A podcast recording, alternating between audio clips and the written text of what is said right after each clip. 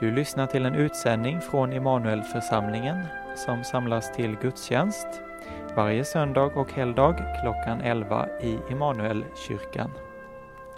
För information och kontaktuppgifter gå in på hemsidan immanuelforsamlingen.se.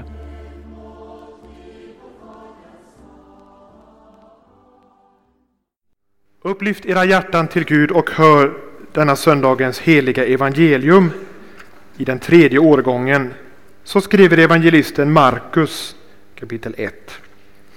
Vid den tiden kom Jesus från Nasaret i Galileen och blev döpt i Jordan av Johannes. Och se, när han steg upp ur vattnet såg han himlen dela sig och anden komma ner över honom som en duva. Och en röst kom från himlen.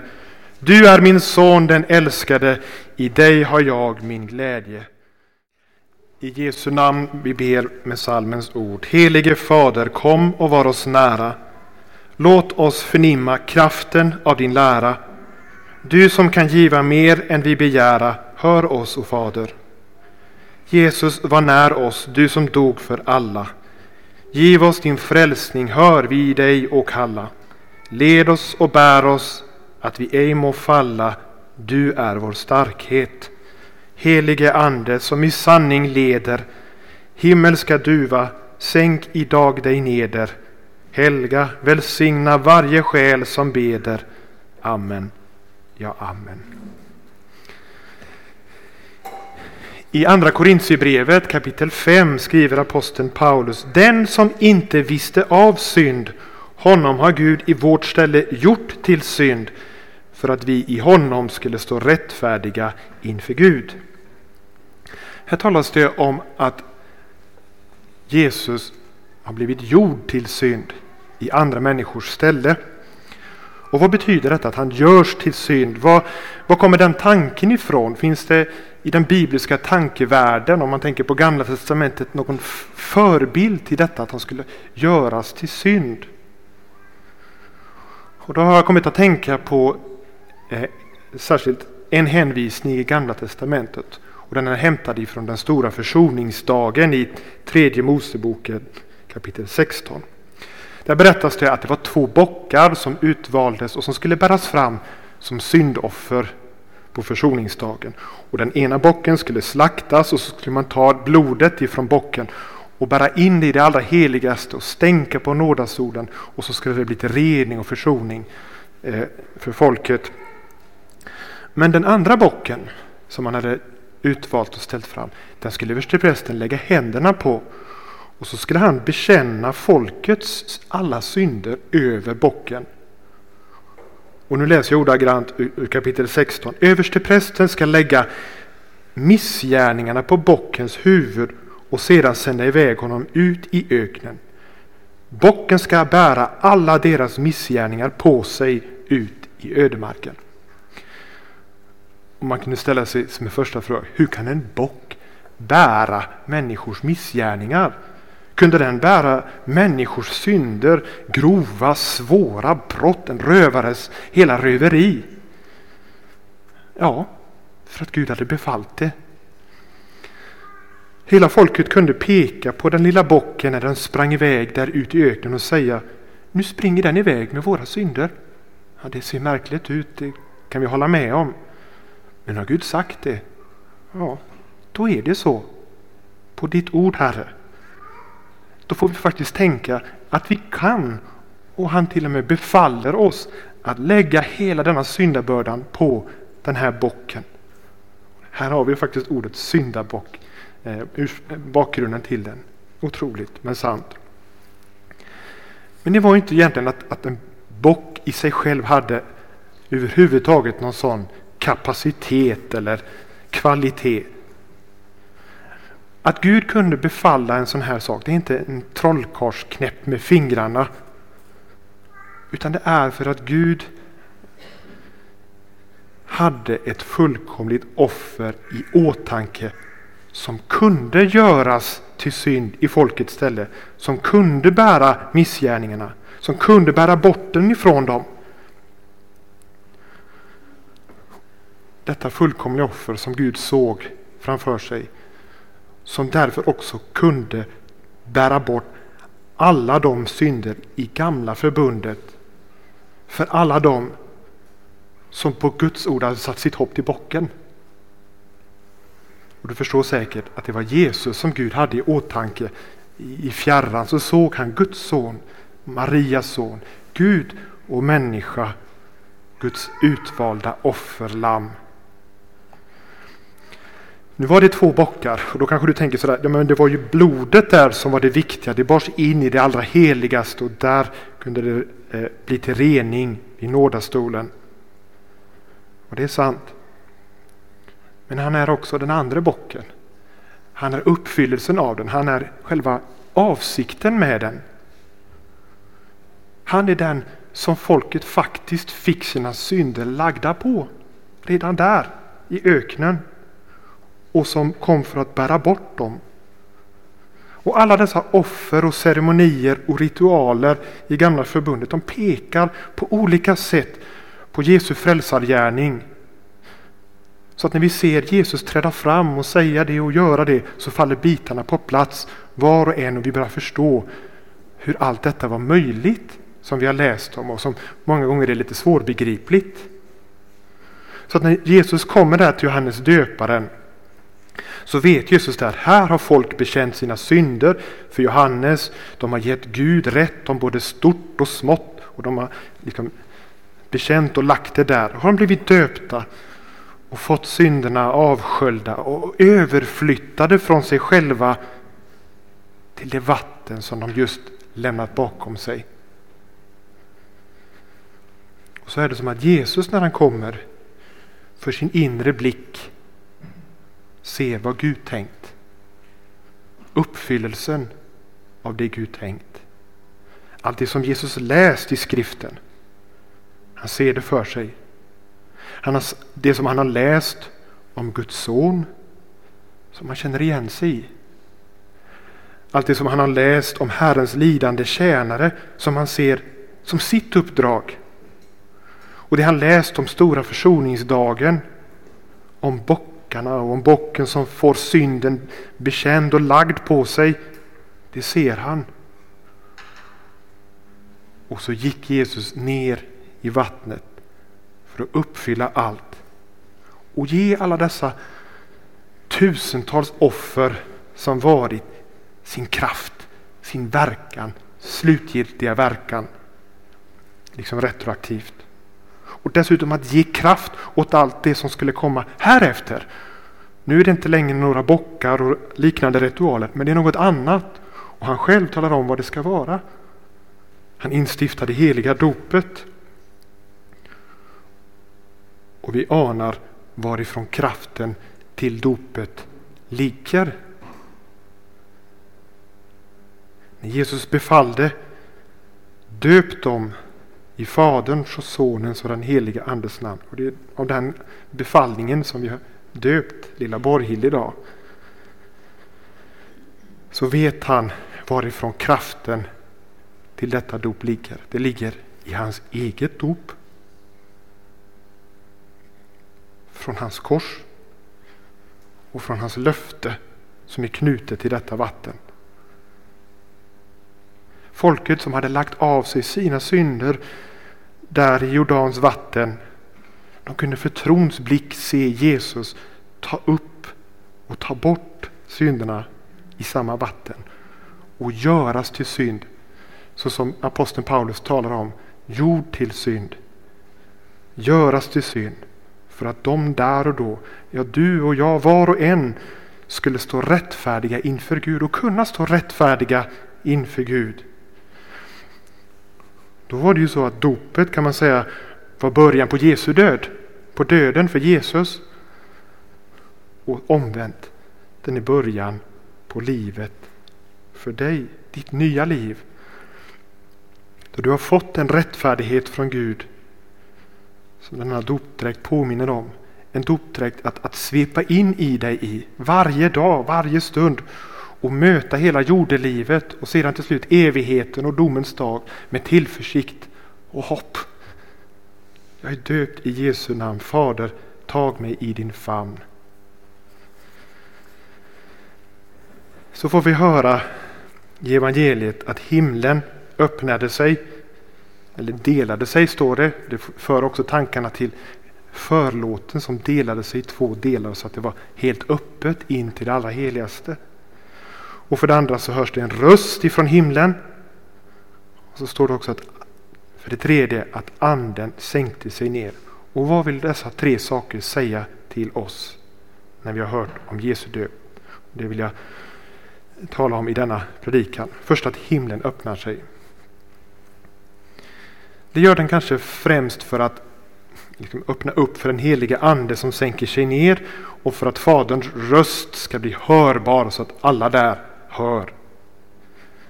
Men i en lite djupare bemärkelse öppnas himlen för alla. Den kan öppnas. Ja, den måste öppnas för människor som varit utstängda från himlen. Om du tillåter en liten trivial bild här. Om synd är det som en allergiker reagerar på, ja, som Gud reagerar på, så kan inte himlen öppnas för en enda syndare. Gud är som Gud är, han är helig, upphöjd över allt, skild från allt orent. Och hur skulle himlen kunna vara på något annat sätt? Men om synd har tagits ifrån en människa och lyfts över på någon annan och det är verkligt, ja då spricker himlen upp med Guds eget leende för en människa. Den kan det och den måste det. För några år sedan kom det ut en bok som hade titeln Himlen finns på riktigt. Kanske någon här har läst. Och den handlar om en fyraårig pojke som råkade ut för en olycka. Och så låg han på sjukhuset och svävade mellan liv och död i, i flera dagar. Och sen när han vaknade upp så berättade han de mest märkliga saker. Och de som lyssnade kunde bara dra en slutsats. Det här är för otroligt. Men om det som han berättar så måste vi säga himlen finns på riktigt och han har varit där och liksom vänt. Och den här boken blev en bästsäljare. Nu ska jag inte närmare tala om, om boken, eller vad jag tänker om boken. Men jag har undrat varför denna bok blev en sådan bästsäljare och, och spreds och blev en film till och med.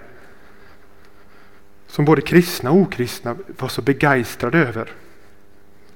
Och att himlen finns på riktigt. Är det att själva tanken på himlen utgör en sådan stark dragningskraft på oss människor? En, en, en längtan som en kallelse från vårt rätta hem där vi faktiskt hör hemma. Vid jul är det många som får en sån stark hemlängtan. Och så försöker man att på olika sätt att komma hem utan att kanske riktigt komma hem. För det som man förknippar med hem är inte kvar. Men varifrån kommer denna starka hemlängtan? Som aldrig kommit till ro. Varför denna överväldigande respons på himlen finns på riktigt? Att himlen öppnades där vid Jordan. Den är som ett lockrop till alla som rastlös irrar omkring i den här världen som främlingar utan något riktigt hem, men med hemlängtan. Men med denna öppnade himmel så kommer det också ett ord, en röst, Faderns röst. Det finns inte bara ett rätta hem, det finns också den rätte Fadern.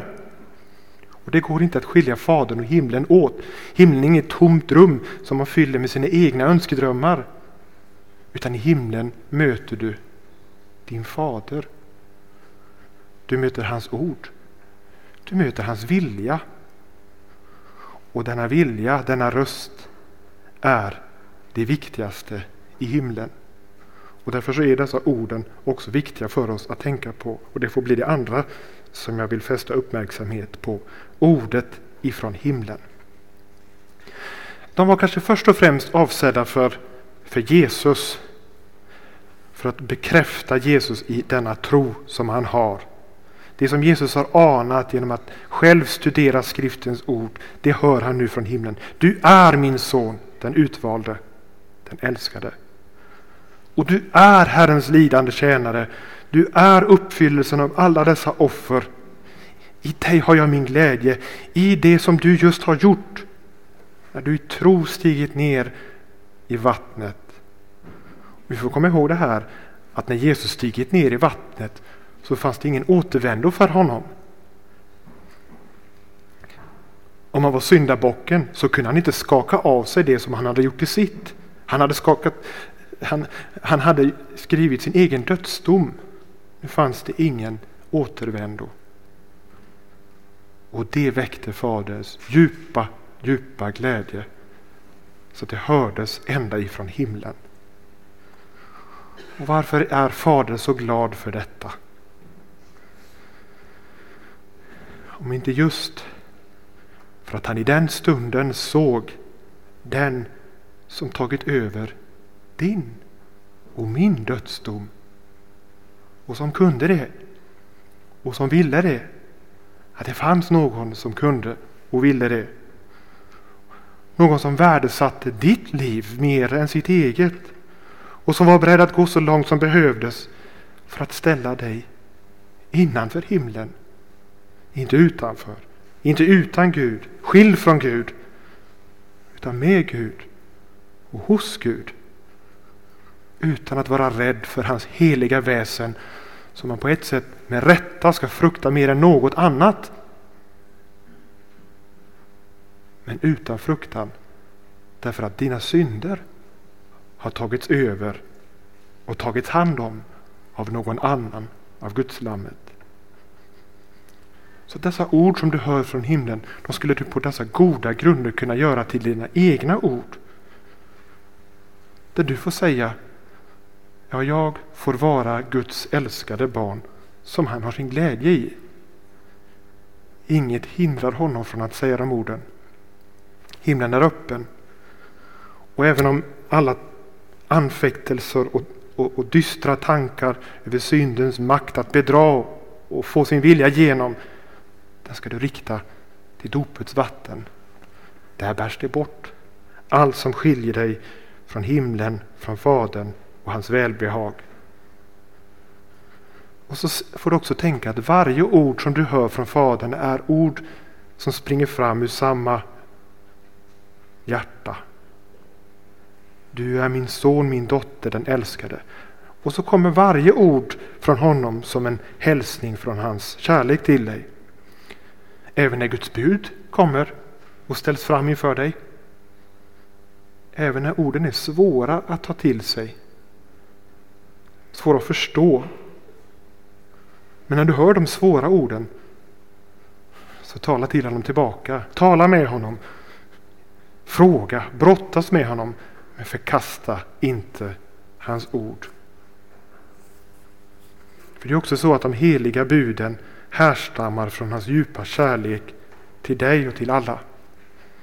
Varför tror du Gud förbjuder hela världen att stjäla från dig? Men inte just för att han älskar dig. Men du har också fått budet, för Fadern älskar också de andra. Men när Faderns ord tränger så djupt in under ytan att de avslöjar också dina tankar, dina hemliga begär, dina skeva motiv och annat mörk, så får du tänka på hans röst vid Jesu dop. Det är Fadern som förbereder dig för himlen. För himlen ska inte bli en upprepning av denna jorden. Hämndlystnad, fåfänga, avundsjuka, girighet, alla dessa lite mer osynliga synderna de kommer inte att finnas där. Och hur skulle de kunna finnas där? Då vore det inte himmel längre. Hämndlystnaden, den följer inte med in. Såvida du inte insisterar på att det ska med. Därför att du klamrar dig fast vid det. Men då är det inte längre himlen du önskar dig. Det är inte längre Fadern du önskar dig. Men så vill jag för det tredje också tala om detta att anden kommer ner och han kommer ner också för din skull. Anden kommer kanske främst ner för att vila över Jesus, smörja honom för sitt uppdrag och visa oss alla att Jesus är Guds utvalde, han är Messias. Men det är samma ande som du har fått i ditt dop. Som sänker sig ner också över dina tankar och över ditt hjärta. Och han har Jesus med sig skulle vi kunna säga. Han har Jesu dop med sig. Jesu dop som tar och liksom lyfter bort dina synder ifrån dig. Den heliga Ande kommer med Jesu kors för dig. Så att du ser, där straffas jag, han, för mina synder. Där går dödsdomen förbi mig, men på honom. Och så kommer den heliga Ande med Jesu alla löften till dig. Som kan säga det. Dina synder är det förlåtna. Som en gåva, som ett löfte. Du har en fader i det höga, en öppen himmel. I dig har Gud sin glädje. Och så är det den helige Ande som i ditt hjärta ber till Fadern som vi hörde i dopet här. att Borgil får barnaskapets ande som, som kan och som vill säga de orden Abba, Fader. Och så har du lärt dig Fader vår, så kommer bönen Ske din vilja, Fader, så som i himlen, så och på jorden. Så som i himlen, där ingen hämndlystnad eller inget annat orent sker och kan ske. Låt det ske här och nu med mig och i mig och genom mig. Det är många som säger att bönen sker din vilja är den svåraste bönen att be. Men den som har fått upp ögonen för hur god Fadern är.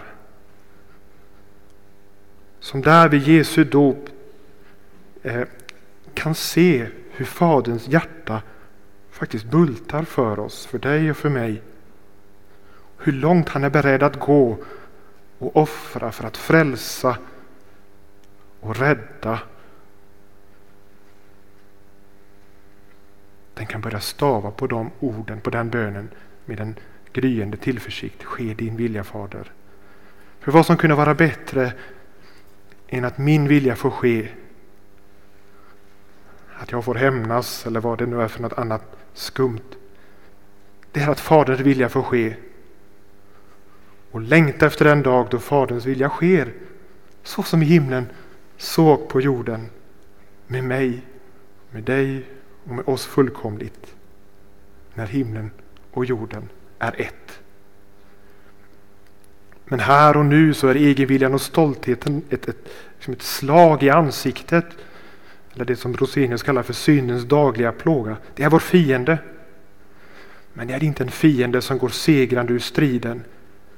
När du och jag flyr till vår frälsare varje dag vänder tillbaka till det gamla dopet som varje dag är nytt och friskt.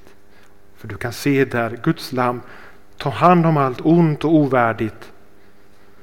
Och så påminns du där om den öppna himlen. Om Faderns röst, hans välbehag också för dig. Du påminns om ditt rätta hem och ditt rätta jag. Barnaskapet hos Gud.